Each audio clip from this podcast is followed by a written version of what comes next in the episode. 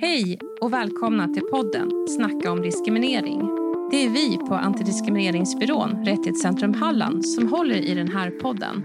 Kärnan och utgångspunkten i allt vi pratar om är vår strävan i att alla människor ska ha lika rättigheter och möjligheter. Vi arbetar mot diskriminering och för mänskliga rättigheter. Vi tar upp vad diskrimineringslagen säger och intressanta rättsfall och kopplingar till olika rapporter på området. Och vår förhoppning är att detta ska ge dig nya perspektiv och nyfikenhet för de här frågorna. I detta poddavsnitt ska vi prata om diskrimineringsgrunden etnisk tillhörighet. Och jag som pratar nu heter Sofie Johansson och är verksamhetsledare på Rättighetscentrum Halland. Och med mig har jag min kollega Ja, jag heter Katarina Koch och jobbar som jurist här på Rättighetscentrum Halland. Hej på dig! Hallå, hallå! Eh, men då kanske vi kan börja med att definiera vad vår diskrimineringslag säger om diskrimineringsgrunden etnisk tillhörighet. Ja, och först och främst så kan vi börja med att diskrimineringslagen definierar diskrimineringsgrunden etnisk tillhörighet med att detta står för nationellt eller etniskt ursprung, hudfärg eller annat liknande förhållande. Mm. Och alla människor har ju minst en etnisk tillhörighet och ett nationellt ursprung. Ja. Så man kan faktiskt säga då att alla vi människor tillskrivs den här, det här skyddet mot diskriminering utifrån den här grunden. Ja, just det. Men när du säger att en del av definitionen av diskrimineringsgrunden etnisk tillhörighet är eller annat liknande förhållande. Vad menas med det? Ja, precis den här sista formuleringen här, eller annat liknande förhållande det är viktigt att, ta det också. Med, med det här begreppet då, annat liknande förhållande så avses bland annat nedsättande uppfattningar om invandrare eller personer med mm. viss hudfärg som motiverar ett missgynnande agerande eller handlingssätt. Så det liksom okay. ryms in i den här formuleringen. Ja. Så när människor på ett svepande sätt bedöms eller kategoriseras efter deras förmodade etniska tillhörighet, exempelvis somalier är en sån här grupp, då mm. finns det risk för diskriminering. Så det är därför den här beskrivningen med eller annat liknande förhållande finns med. Okej. Okay. Eh, vad gäller detta diskrimineringsförbud, alltså inom vilka samhällsområden? Eh, alltså, det betyder ju var i samhället man har skydd mot diskriminering utifrån mm. grunden etnisk tillhörighet. Ja, precis. Det gäller faktiskt inom samtliga samhällsområden som skyddas av diskrimineringslagen.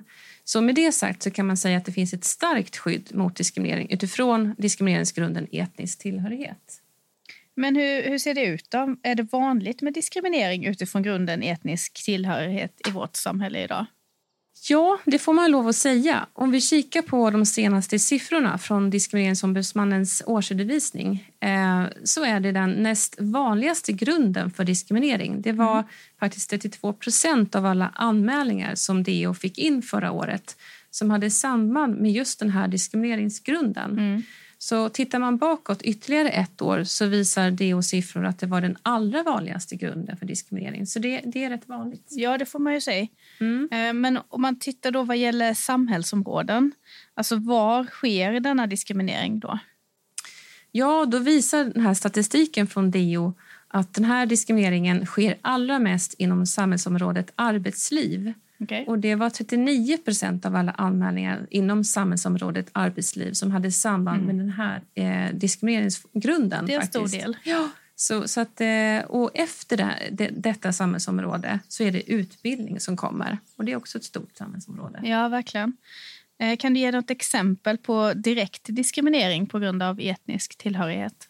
Ja, vi nämnde ju nyss att det vanligaste samhällsområdet där diskriminering sker utifrån grunden etnisk tillhörighet är just arbetsliv.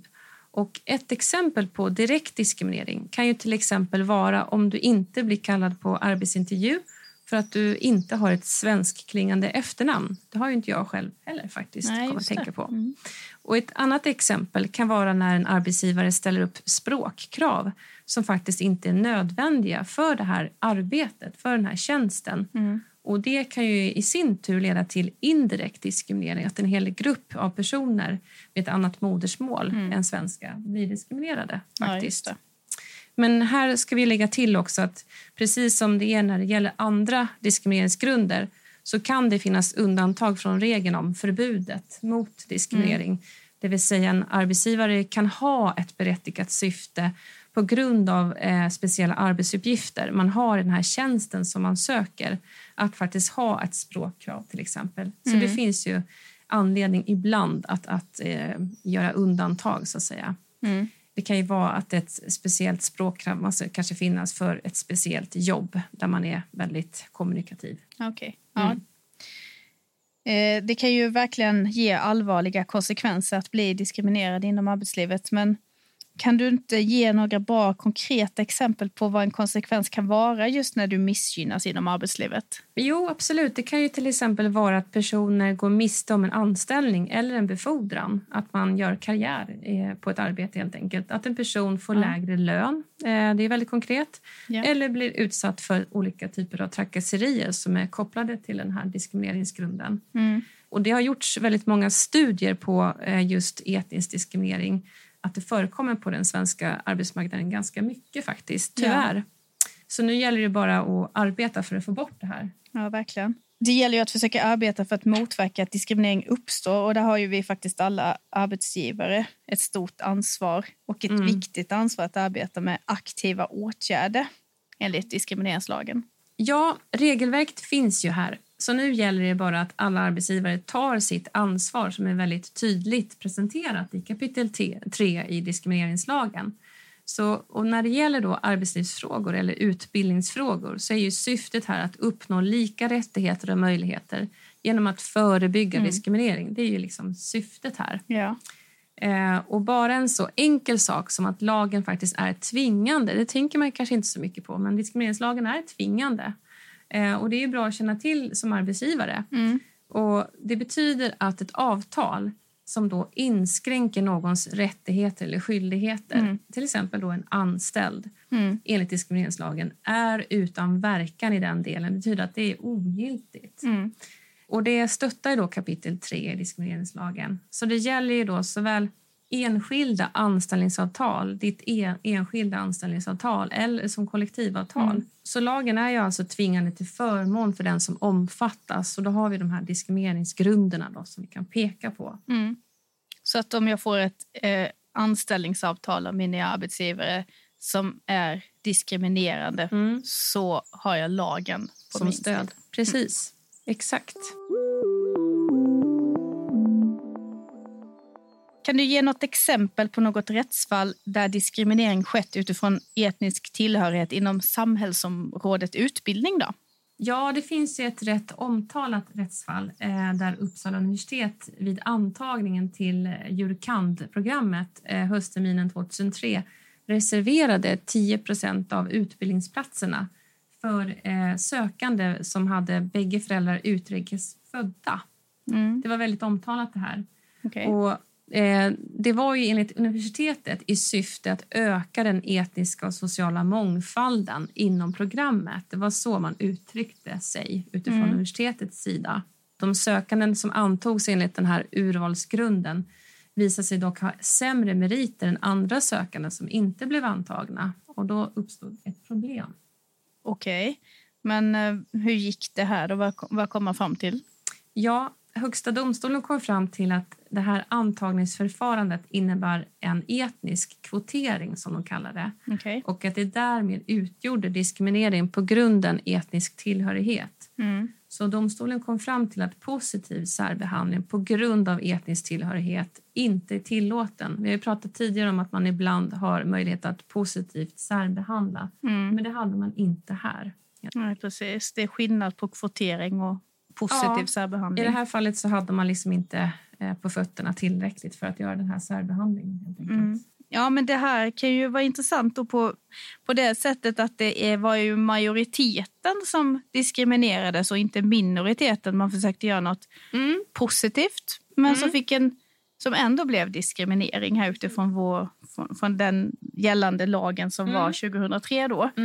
Men diskrimineringsgrunden etnisk tillhörighet eh, tänker jag i första hand är till för att skydda personer ur en minoritetsgrupp även om den också då skyddar majoriteten som vi ser i precis, det här fallet. Då. Precis.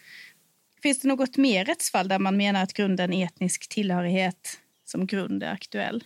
Ja, när jag har kikat efter fler rättsfall så har jag förstått att när man går så långt som till stämning så handlar det ofta om att en enskild upplevt sig bli missgynnad i just en rekryteringsfas. Mm. Så just detta är faktiskt något som DO också tog upp nu nyligen när de kommenterade den senaste årsredovisningen av deras statistik för anmälningar. Och Det är ju då inom just arbetsliv som är det allra vanligaste samhällsområdet eh, vad gäller det totala antalet anmälningar också. Mm. Och man ska ju som arbetsgivare gå in i olika områden när man eh, jobbar med det förebyggande arbetet. Och eh, ett av de här områdena är just rekrytering och befordran. faktiskt. Mm. Man har ju fem, så det är arbetsförhållanden och det är bestämmelser om praxis om löner och andra anställningsvillkor. Och sen kommer då rekrytering och befordran och sen utbildning och övrig kompetensutveckling och möjligheter att förena mm. förvärvsarbete och föräldraskap. Det. Så det händer väldigt mycket just under rekryteringsfasen där det faktiskt då ibland sker diskriminering. Just det. Ja, men det är viktigt att man jobbar med det här då. Ja. Eh, är det något som du tycker är viktigt att nämna när det gäller den här diskrimineringsgrunden etnisk tillhörighet som vi inte har varit inne på än? Ja, det är en sak som man kan lägga till och det är att det faktiskt ibland handlar om flera diskrimineringsgrunder samtidigt. Till exempel kan det vara etnisk tillhörighet men det kan också vara samtidigt kön som är mm. inblandad mm. eller religion eller annan trosuppfattning. Så det är ofta kombinationer mm. av diskrimineringsgrunder samtidigt som drabbar en person, en mm. enskild. Så det är ofta det. Och eh, det gäller både när en individ blir diskriminerad och, och på en samhällelig nivå att flera grunder kommer samtidigt och drabbar den enskilde. Eh, så det kan till exempel yttra sig så att en kvinna med en etnisk tillhörighet kan ha andra erfarenheter av diskriminering än en man med samma etniska tillhörighet. Så där ser man ju skillnader också ibland. Ja, just det. Vi ska ju också prata om begreppet eh, rasism. Vad säger du om det, Sofie? Ja, etnisk tillhörighet som diskrimineringsgrund är ju kopplat till just begreppet rasism och rasistiska handlingar. Regeringens definition av ordet rasism är uppfattningar om att människor på grund av föreställningar om ras, nationellt, kulturellt eller etniskt ursprung, religion, hudfärg eller annat liknande förhållande är väsensskilda från varandra och att de därmed kan eller bör behandlas på olika sätt. Ja, rasism är alltså en tro på att människor är olika och ska behandlas olika och att detta bedöms utifrån hur vi ser ut till stor del. Ja, precis. Men sen kan man också prata om då strukturell rasism. Och här använder regeringen också det i sin plan för att motverka rasism, det begreppet. Och då menar de att strukturell rasism inte alltid är en persons politiska övertygelse utan det är något som kan ske omedvetet. Mm. Det vill säga att rasism finns på olika sätt i samhällets strukturer. Mm. Att det är omedvetna förutfattade meningar som kan leda till diskriminerande handlingar utifrån etnisk tillhörighet till exempel. Människor har en tendens att dela in andra människor eller oss människor i olika kategorier eftersom det görs lättare när vi kategoriserar oss.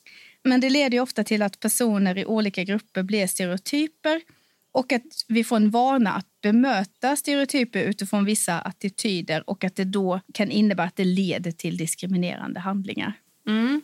Så strukturell rasism behöver inte innebära att man kallar sig själv för rasist utan att man kan eh, göra rasistiska handlingar omedvetet ja. trots att man kanske till och med är antirasist. Precis. Det låter lite läskigt faktiskt. Eh, de här strukturerna kan också leda till att alla inte får samma rättigheter och möjligheter eller makt och inflytande. Nej, precis.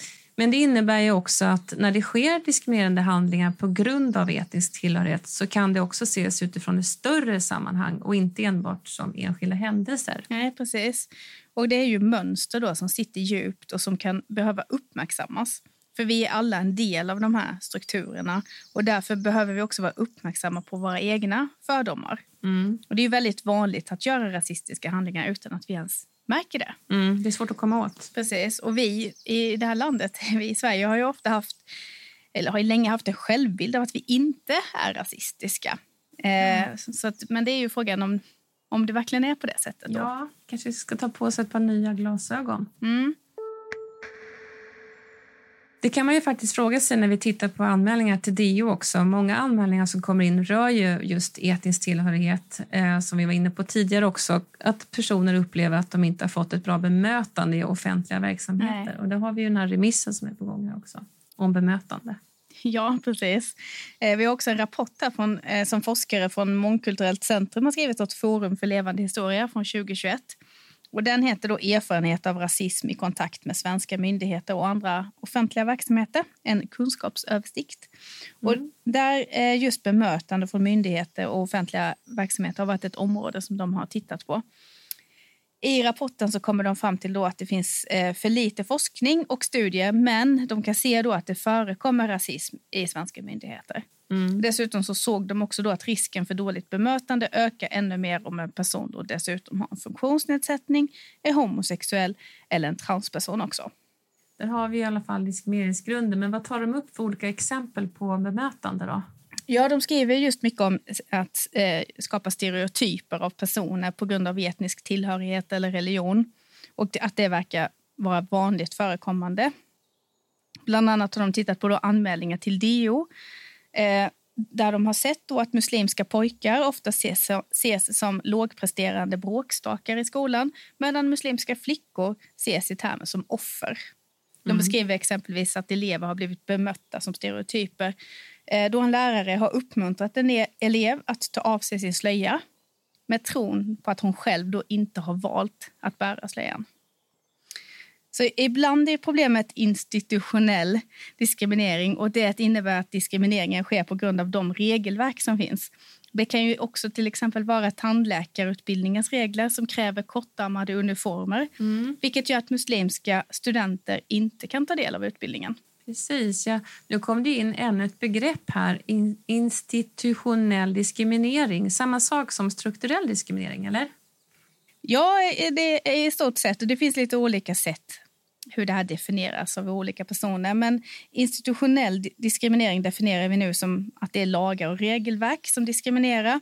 Att det kan även strukturell diskriminering vara, men då innefattas även strukturella normer och beteenden och att göra stereotyper och att skapa ett vi och dem. Mm, precis. Och I den här rapporten har de då kommit fram till att väldigt många anmälningar handlar om erfarenheten att bli bortprioriterad mm. eller helt ignorerad. Mm. Vilket förmodligen då beror på inlärd strukturell diskriminering kan man tänka. I rapporten skriver de att många personer som tillhör en minoritet känner att de inte tas på allvar när de gör en anmälan eller undersöker en vårdsökares behov på när de uppsöker sjukvården. Mm. Ja, men det är även vanligt inom vården att patienter har svårighet att få en tolk och ja. därför riskeras ju patientsäkerheten och det är mm. jätteallvarligt. Och en hel del anmälningar handlar om att personer inte har fått en tolk när de besökt vården. Mm. Eh, men då har det ofta då handlat om tecken och skrivtolk just, inte språktolk faktiskt. Mm. Här finns det ju säkert ett stort mörkertal för språktolkar. Det får ja. vi också väga in. För eh, Man måste göra sin röst hörd och vet man inte vart så går det inte heller. Eh, så Det kan ju vara också att personer med annat språk än svenska inte vet om att de har just den här rätten att få en tolk vid läkarbesök. Man har ju rätt till det. Precis. Att personer ur minoriteter upplever att de inte får samma bemötande som majoriteter kan ju få konsekvenser för, för vårt samhälle och för individen. Mm. För samhället det är ju inte starkare av att det finns individer som tappar tilliten till myndigheter. Det kan ju vara ett resultat av att man får dåligt bemötande hela tiden, att man tappar tilliten. Men för individen så kan det ju innebära att man då exempelvis tvekar på om man ska söka vård och därför då inte får hjälp med sin sjukvård. Mm. Och det är ju faktiskt vanligare att personer som är födda utomlands dör i sjukdomar som annars är möjliga att behandla. Och att gå runt och förvänta sig att bli bemött på ett dåligt sätt kan ju också skapa psykisk ohälsa hos individen. Ja, man kanske tappar också förtroendet för samhället helt enkelt. Mm. Dåligt bemötande från myndighetens sida kan ju ge direkt påverkan på individen som den möter. Så det här är jätteallvarligt. Ja, verkligen. Och att känna sig försummad, misstänkliggjord och stereotypiserad på grund av en etnisk tillhörighet i upprepande situationer kan ju leda till något som kallas för minoritetsstress även i andra sammanhang. Då. Vad betyder egentligen minoritetsstress? då? Ja, det är ett begrepp som ursprungligen kommer från hbtq-rörelsen och används även ofta inom andra minoriteter. Och Det betyder att man känner en stress och oro som vi kan känna när vi tror att andra har negativa förväntningar eller idéer om vår sociala grupptillhörighet. Det blir som en ängslan där vi inte vet vad andra går och tänker på oss som grupp. Så minoritetsstress har kommit till som en förklaring till varför en minoritet mår sämre än majoriteten. Så det blir en mm. stress att ofta känna sig marginaliserad och att man inte blir sedd som likvärdig. Ja, det kan ju såklart skapa både fysisk och psykisk ohälsa till slut och gå runt och förvänta sig ett dåligt bemötande från början och inte känna sig likvärdig andra. Mm. Så vad kan majoriteten göra då för att det inte ska vara så här? Jag tänker att vi som vita kan börja med att se våra privilegier. Ett begrepp som återkommer ofta när vi diskuterar är begreppet rasifierad som innebär att vi kategoriserar människor utifrån hudfärg, etnicitet, kultur och språk. Och då visar det sig att personer som blir rasifierade som vita ofta har flera fördelar av att man, att man blir det. Mm. Länsstyrelsen i Stockholm har tagit fram en rapport som heter Vita privilegier och diskriminering. Och där vi, den visar de på hur personer som rasifieras som vita får mer stöd vid karriärsutveckling, får fler befordringar och att personer som rasifieras som icke-vita trivs sämre på sina arbetsplatser, får färre befordringar och känner ett motstånd när de lyfter frågor om orättvisor och missförhållanden på sina arbetsplatser. Ja, det är verkligen orättvist. I Sverige har vi som sagt trott att vi inte ser hudfärg, men så är det nog inte fallet faktiskt. Nej, det visar ju sig finnas flera skillnader i hur vi blir bemötta utifrån vår hudfärg och att blunda för att hudfärg inte finns kan kanske upprätthålla de här strukturerna. Mm. Det är svårt att motarbeta något som man försöker att inte se. Dessutom så behöver vi också uppmärksamma vad det är som gör att ojämlikheten består och vilka privilegier det är som vita personer har. Ja, den här rapporten då från Länsstyrelsen i Stockholm, vad, vad kom man fram till? Vad ska man göra för att åtgärda de här ojämlikheterna? Ja, de har några rekommendationer. Dels rekommenderar de att på samma sätt som arbetsgivare ska göra lönekartläggningar på skillnader mellan könen så önskar de också att det ska utökas till att även omfatta nationellt eller etniskt ursprung, hudfärg eller annat liknande förhållande. Och för att kunna kartlägga arbetsmarknaden så vill de också utveckla offentlig statistik så att de kan återspegla etnicitet, hudfärg och ras på ett bättre sätt än idag. Mm. Och så skriver de även att allt för många arbetsgivare inte arbetar med aktiva åtgärder, som vi har pratat rätt mycket om. Mm. Och att de har en förhoppning då på att sanktionsmöjligheter hos arbetsgivare som inte följer lagen ska skärpas. Mm. Det kanske måste till. Mm. Och sen så eh, rekommenderar de också då utbildning för fler arbetsgivare och fackföreningar och intresseorganisationer. Och de tar också upp då att det krävs ett större arbete för att minska boende och skolsegregationen och att det är ett led till att minska ojämlikheten även på arbetsmarknaden. Ja, att ta tag i boende och skolsegregationen är ju stort arbete, ja. men viktigt. Bra att ibland vända på perspektiven och tänka på att när en grupp är utsatt så innebär det också att en grupp eh, är privilegierad helt ja, enkelt. Det finns skillnader. Och arbetet med aktiva åtgärder är superviktigt och det går bra att vända sig till en antidiskrimineringsbyrå om man har frågor om vad det innebär eller behöver en utbildning. Precis. Så vi får väl avrunda för idag här med en förhoppning om att arbetet går åt rätt håll och att vi alla gör vad vi kan för att motverka diskriminering. Ja. Ja, så vi tackar för att ni har lyssnat på den här poddserien som hittills har spelat in nio avsnitt. Vi hoppas att vi hörs igen till hösten. Tack för att ni har lyssnat på podden Snacka om diskriminering. Vill du fördjupa dig ytterligare i de här frågorna så finns det också ett studiecirkelmaterial. Mer om detta går att hitta på vår hemsida www.rättighetscentrumhalland.se. Den här podden gjordes med stöd av Myndigheten för ungdoms och civilsamhällsfrågor, ABF Halland. Tekniker för podden är Joakim Dahlström.